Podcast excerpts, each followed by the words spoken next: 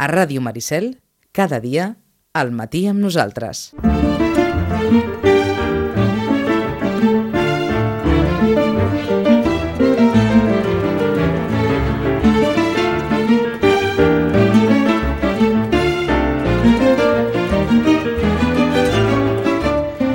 Un espai que saben fem sempre amb Llorenç Llibres i amb la Rosana Lluc. Molt bon dia, Rosana. Home, molt bon dia. Què tal, com estàs? Bé, aquí nosaltres encara amb un munt de llibres, un munt de llibres, un munt de llibres, saps? Vull dir... Rodejada de llibres, no? Encara Post Jordi. païnt el Sant Jordi, encara. Païnt, païnt, sí, sí. Eh? Toca allò, eh? Tornar tot allò I, que està per aquí de més, eh? i, i d'alguna manera reivindicar que hi ha vida més enllà de Sant Jordi, les llibreries, eh? Hi ha molt, molta més vida, sí. A més a més, vull dir que hi ha molta més vida en el sentit de que pots passejar, pots venir, saps allò, mirar tranquil·lament, vull dir... Home, I per favor. moltes novetats, en la qual cosa també és això. Sí, i mira, jo volia preguntar-te, abans de començar i de que ens proposis tu les novetats, que al final ets l'experta i la que en saps bé, eh, clar, avui hem vist als diaris, ahir ja vam veure a molts diaris una d'aquestes darreres novetats, que és aquesta reedició de, eh, de l'obra de Sergi Pàmies, la gran novel·la sobre Barcelona, no? d'aquest Sí. clàssic de Pàmies, eh, de quaderns crema, eh, que torna i mm, d'alguna manera mm, revisionat pel propi autor. Sí, sí, això serà... mm, Bueno, suposo que és que... A veure, Sergi Pàmies ha continuat venent, el que passa que, esclar, mm, sempre passa el mateix, no? Si no tens una obra sobre el taulell que, que reivindica l'autor, que, que torna a tenir una novetat, costa més de vendre. Sí. Però sempre hi ha algú doncs, que busca Sergi Pàmies, sempre tu tens la, allò de dir, escolta, vols una novel·la així com a divertida, irònica, amb, amb foteta, saps? Vull dir, i sempre trobes el Sergi Pàmies eh, a les Sí. teves mans. Vull dir que que sempre hi és present a les llibreries. Sí, sí, aquesta, eh, eh? la gran novel·la sobre Barcelona, que són 15 relats, eh? són 15 contes, no? amb aquella escriptura tan, eh, tan del Pàmies, no? que va descobrir eh, Quaders Crema en el seu moment, amb el gran Jaume Vallcorba, que ara li explicava a en Sí. Vicenç, que és el fundador de l'editorial Quaderns Crema, que va morir ara fa uns anys, que vaig Sí. tenir la sort, el privilegi, que va ser professor meu a la universitat, en Jaume Vallcorba. Clar, I recordo les seves classes que s'omplien s'omplien perquè era un espectacle eh, veure'l parlar, en aquest cas eren classes sobre la Divina, Divina Comèdia, però era un espectacle veure'l parlar i com eh, gaudia dels llibres i sempre va ser un gran amant eh, i apassionat de, de la bona lectura, eh? I Quaderns Crema continua una mica amb aquesta línia, eh? De, de no passar una mica de les modes i editar allò que els agrada. Sí, sí, sí, la seva dona continua uh, de, al capdavant de Quadreus Crema i Acantilado Sí. i continua fent una gran tasca perquè la veritat és que escull molt tal com era ell, eh? Tal com, vull dir, uh, va començar treballant allà i la veritat és que ella eh, escull molt uh, tot el que vol editar, si us hi fixeu, Acantilado segueix el que passa que li costa més a la, la part de Quadreus Crema, treu menys mm, títols, Sí. però tots els títols que treu també estan molt, molt cuidats, molt, molt buscats i molt pensats de què vol editar. I això, bueno... Sí, és passant una cosa mica que- de tendències, eh? apostant per allò que els hi agrada i punto, Exacte. que en el seu moment van ser els descobridors, entre altres, a Quim Monzó, eh? Quim Monzó, sí, Sergi sí, Pàmies, sí, no? sí. l'Empar Moliner, que són fixes a, a Quaders Crema. I a Ferran Torrent. També, exacte. Sí, sí, Aquesta editorial que més destaca perquè eh, els seus llibres són tots blancs, que en això hi ha una anècdota molt bona que explicava sempre en Vallcorba, que ell es va emparrar en què volia que els llibres tinguessin tots portada blanca i eh, altres editors o gent del sector li deien que el blanc era l'enemic a les portades dels llibres i ell es va emparrar i deia que el blanc era un, era, eh, un símbol de, de, de puresa i de netedat i que ell volia que fossin blancs i es manté, eh? Quaders Crema continua amb aquesta imatge de portades blanques. de portades blanques i ara realment és un, saps allò, una cosa blanca entremig de molts negres. Cert, Llavors i la identifiques rapidíssimament, eh? Sí, sí, sí, l'identifiques molt i a més a més va tenir una època, ara no, però va tenir una època en la que cada edició que feia del mateix llibre, doncs si portava una camisa, cada vegada la tenia d'un color. Si un, una edició era verda, l'altra la posava blava, la camisa, i l'altra la posava, saps? I això ens feia molta gràcia amb els llibreters perquè, esclar, era com a molt identificatiu d'ell, no? Vull dir, és el mateix però diferent. I era Sí. el mateix llibre però una nova edició. Un, un, una que- d'aquelles marques de la casa de- d'en Sí. Vallcorba, que per cert era un professor que una de les coses curioses d'ell, més enllà de, de la seva em, del seu mestratge en, a, explicant, eh, que era meravellós escoltar-lo, és que sempre duia camises amb el seu nom brodat. Amb les inicials del seu nom brodat. Sempre. No sé si anava amb corbatí, perquè jo sempre el veia, com que anava amb No, pactes, venia amb corbata. corbatí. Venia amb corbata, sí. doncs Venia doncs, eh? entrejat, que, Ah, que sí, ja en la, en la meva època tinc una edat però no tanta, vull dir, no, no era normal, la majoria de professors no, No venien, venien. ell venia sempre entrejat, sempre, sempre amb corbata, sempre, i les camises totes duien el seu nom, les seves inicials eh, brodades.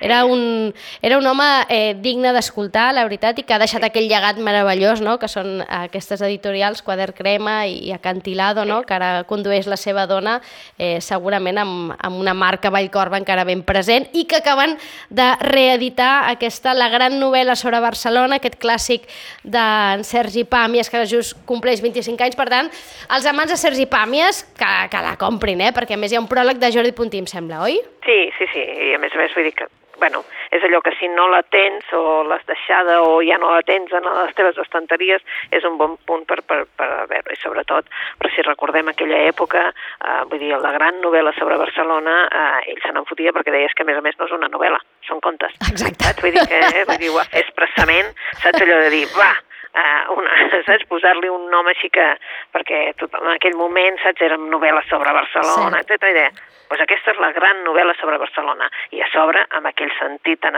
que té el Sergi Pàmies de dir, doncs, a més a més, no és una novel·la, són contes.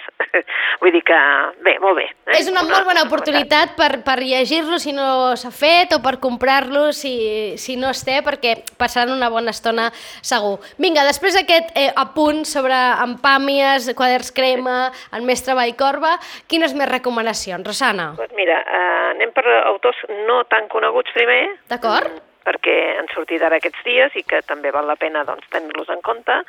Una és una autora que l'han fet en català i en castellà alhora, eh, i és la, la Laura Anguera, um, ara està en un grup de comunicació, aquesta noia doncs, eh, va començar en el món de l'advocacia i, i ara doncs, eh, m'han fet en columna i també en planeta.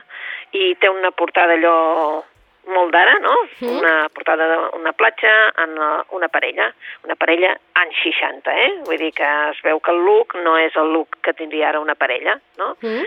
uh, banyador. Eh? Uh, Ningú em va parlar de tu, mm? és la novel·la de la Laura Anguera que ens porta al Segaró dels anys 60, a la Barceloneta també d'aquella època, als balls, que encara encara hi havia els balls aquells de, del, de les, que es deia en castellà, no me'n recordo com se diu en català, la puesta de largo, Sí, però, sí, saps? sí. Dir, encara Sí, existia sí. això, um, també hi havia aquells somnis de barriada de, de sortir del barri i, i, i ser alguna cosa, també la visita de l'Alice Taylor als Cirex, um, saps allò, una Mhm. barreja de tota la gent que es movia per aquí en aquest moment, doncs és, lo, és el que surt a la novel·la de la, de la Laura Anguera. I la Laura Anguera ens parla d'un personatge en concret, de la Carolina, i la Carolina ja, mm, és una dona que està passant ara per una època d'aquelles que mitjana edat, eh, divorci, eh, filla, diguéssim, adolescent que, que uh Mhm. -huh. tampoc no acaba de, saps, de, de, de, de quallar amb la seva relació i, i, i, i a més a més té el pare que, doncs, eh, diguéssim que és massa gran ja i, el, i necessita els cuidados, etc Mhm. etc. En fi, una situació d'aquelles vitals que tantes i tantes dones viuen, eh? Ah, exacte, doncs és això, una, situa una situació com a molt normal, l'únic és que ells són, eh, és també el final d'una saga d'aquelles, eh, una saga d'aquelles d'alta burgesia catalana, Mhm. i això ja és cap al final. Eh?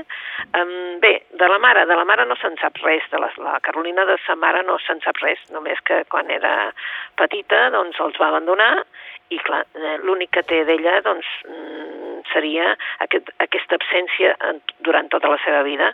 Però bé, eh, per un atzar descobreix en Graviel i en Graviel resulta que era l'amant de la seva mare.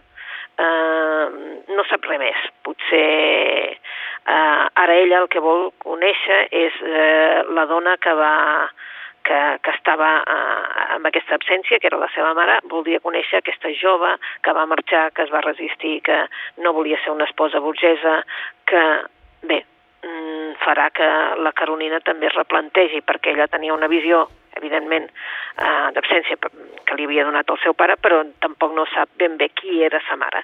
I ara, doncs, ho, anirà redescobrint i nosaltres també anirem veient eh, tot aquest, aquest, aquesta, diguéssim, aquest paisatge dels anys 60 sí. amb això, amb un, un munt de gent, no? O la gent aquesta doncs, de l'alta burgesia, però alhora també la gent que vivia en les barriades i que, doncs, que cada vegada s'anaven eixamplant i s'anaven canviant també de, d'estatus social, uh -huh. per dir-ho Per tant, un retrat d'aquella època, no?, a través sí. de, de la Carolina, d'aquest personatge que està en aquesta situació vital que d'altra vegada doncs, podrà, li podrà ser comuna o a, a moltes de les lectores. Laura Anguera, ningú em va parlar de tu.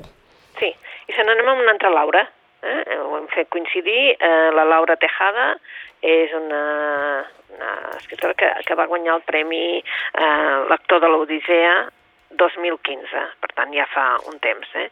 Um, és una primera novel·la i també ens parla doncs, d'una doncs, dona, una dona doncs, que, bé, eh, eh, que és la filla de, de la Dolors Planes. La Dolors Planes és una dona que ara ja mm, està malalta, um,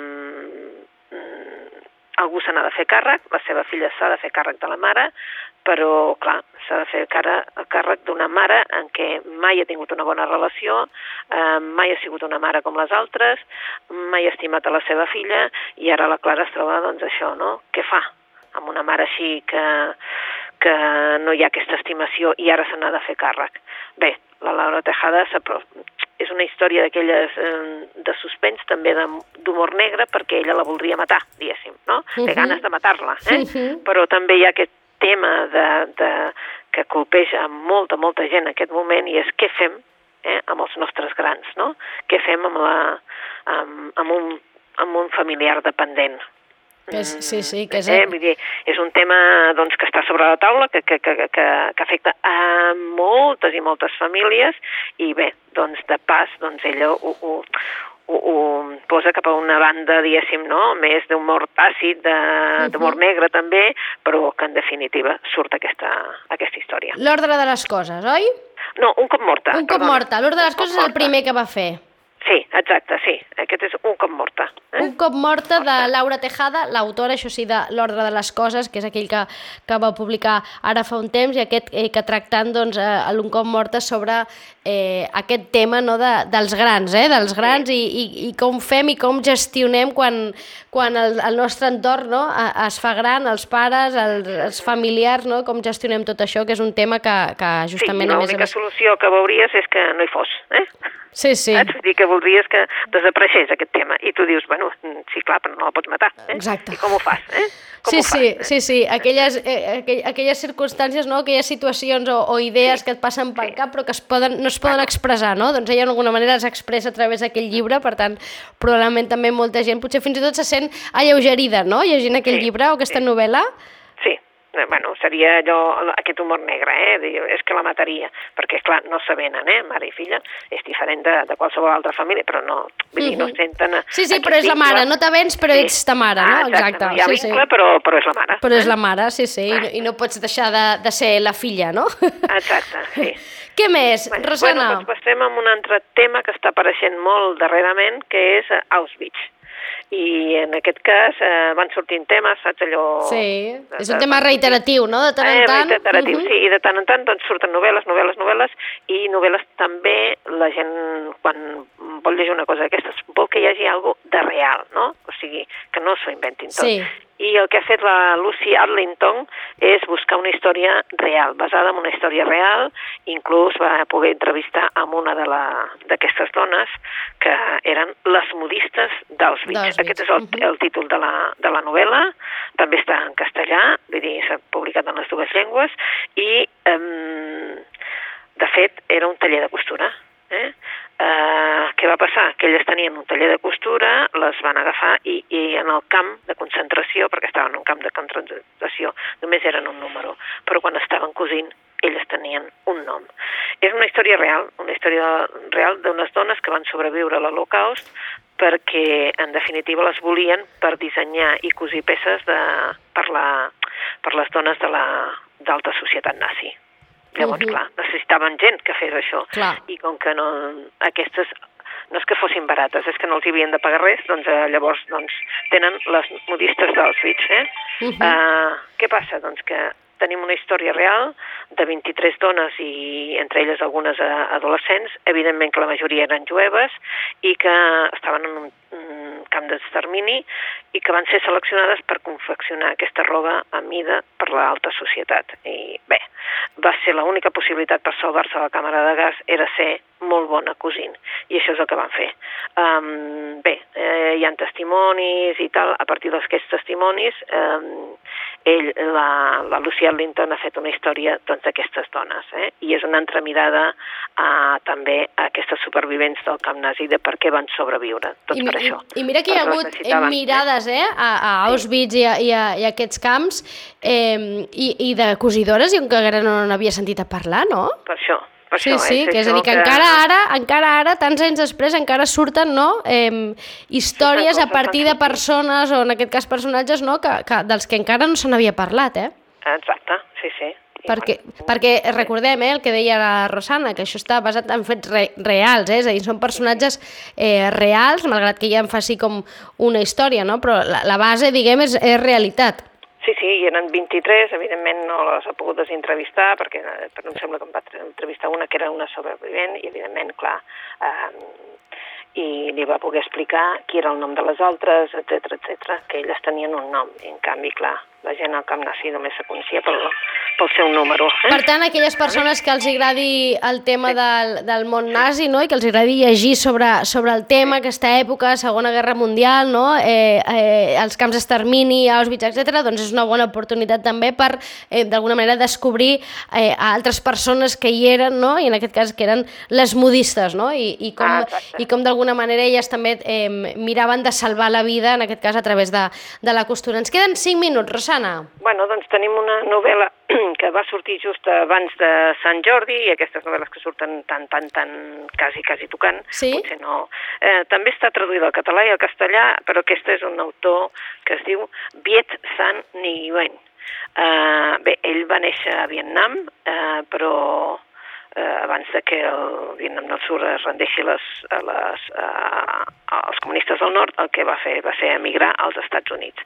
I és un dels autors que més coneix eh, la realitat d'aquell moment i, per tant, eh, la seva família ha tingut la memòria ben present i llavors li van inculcar tot absolutament el que significava doncs, eh, realment ser bien, vietnamita. Uh -huh. eh, és evident que va anar a parar a un camp de, de refugiats a Pensilvània, després els seus pares van poder instal·lar allà i, i van obrir una botiga de productes vietnamites. Eh? Llavors, eh, evidentment, ell no s'ha dedicat a això, s'ha dedicat al camp de l'escriptura, de l'ensenyament en una universitat, i ara ens publica El idealista. Ja va publicar una primera novel·la que era El simpatizante, que va fer bé, que es va vendre en molts, moltes llengües, i ara aquest de idealista ens, representa que és un thriller. És un thriller una mica diguéssim, una mica polític, no? Mhm. També. Per què? Doncs perquè l'idealista ens presenta el París dels anys 80, eh, que bé, que hi ha un agent doble, eh, un, que és vietnamita, però que, que evidentment eh, actuava com a agent doble, i ara s'amaga amb el nom de Vo Dan. I arriba amb el seu germà, que no, té, no, no havia tingut gaire relació, eh, a París. Per què? Pues perquè venen d'un camp de reeducació comunista. Uh -huh. I el que faran serà intentar doncs, eh, mm, superar aquest passat, però també, clar, arriben a París i volen també acollir-se a tot el que està passant a, París i ser, doncs, evidentment, venen d'un règim comunista, però ells no volen ser comunistes, amb la qual cosa eh, s'apunten a lo pitjor del capitalisme, Mhm. el tràfic de, de, de, de drogues. Eh? Clar, això els hi porta uns riscos que, que no havien previst, perquè ells no, no pensaven que, que també caiguessin en, la, en l'autoaddicció de, de, de la droga, no? I també, mm, clar, ells tenen una men mentalitat, eh, diguéssim, comunista, però ara venen amb, una, amb un lloc de l'Occident i, a més a més, amb una mentalitat també molt colonialista, com era París de l'època, no? Estem als anys 80 i la seva vida d'ells ja no corre perill, però, clar, el seu passat surt per tot arreu i, bé, volen, volen intentar fer aquest, aquest, eh, aquest acostament entre dos, dos, dos homes, no? Sí. Aquests dos germans, i, clar, en aquest moment els seus ideals i la seva visió Són és oposats. completament oposats, eh? Uh -huh. I aquesta seria el simpatizante que realment ha sigut una obra que la gent se la mira perquè... Va, va guanyar un premi Pulitzer, no? Estic llegint Exacte. aquí, el de ficció. Uh -huh. Exacte, va guanyar un premi Pulitzer i per tant doncs, és una obra que malauradament va sortir massa, massa d'hora, que és o massa tard, diguem-ne, Sí. el que sigui, eh? Massa tard perquè va, va coincidir quasi, quasi, quasi amb el Sant Jordi i per tant va ser una d'aquelles que va quedar per allà a sobre i no, no hi va haver temps a, a fer-li cap publicitat.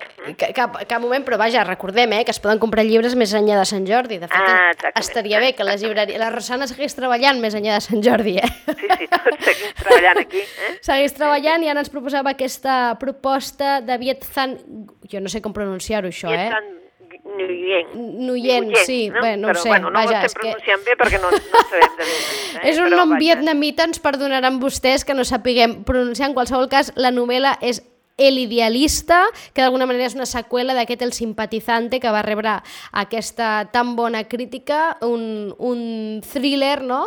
eh, amb, amb aquests dos homes de, de protagonistes i amb, amb referències, òbviament, a la seva eh, cultura oriental, tot i que ubicada en aquest cas a, a París. Rosana, Eh, ho deixem aquí, que no tenim més temps, ens, ens escoltem, ens parlem en, en un parell de setmanetes amb, amb altres novetats. Moltes gràcies, com sempre.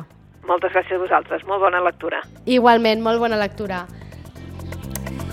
I aquí posem el punt i final en llibres, ja ho, sàpiga, ja ho saben, eh, que poden llegir més enllà de Sant Jordi, vinga, fem-ho, que sigui només per la Rosana, per nosaltres, i a més amb aquest dia esplèndid, el sol, què més volen? Nosaltres tornem demà a les, 9, que, a les 9, que passi molt bon dia, adeu-siau.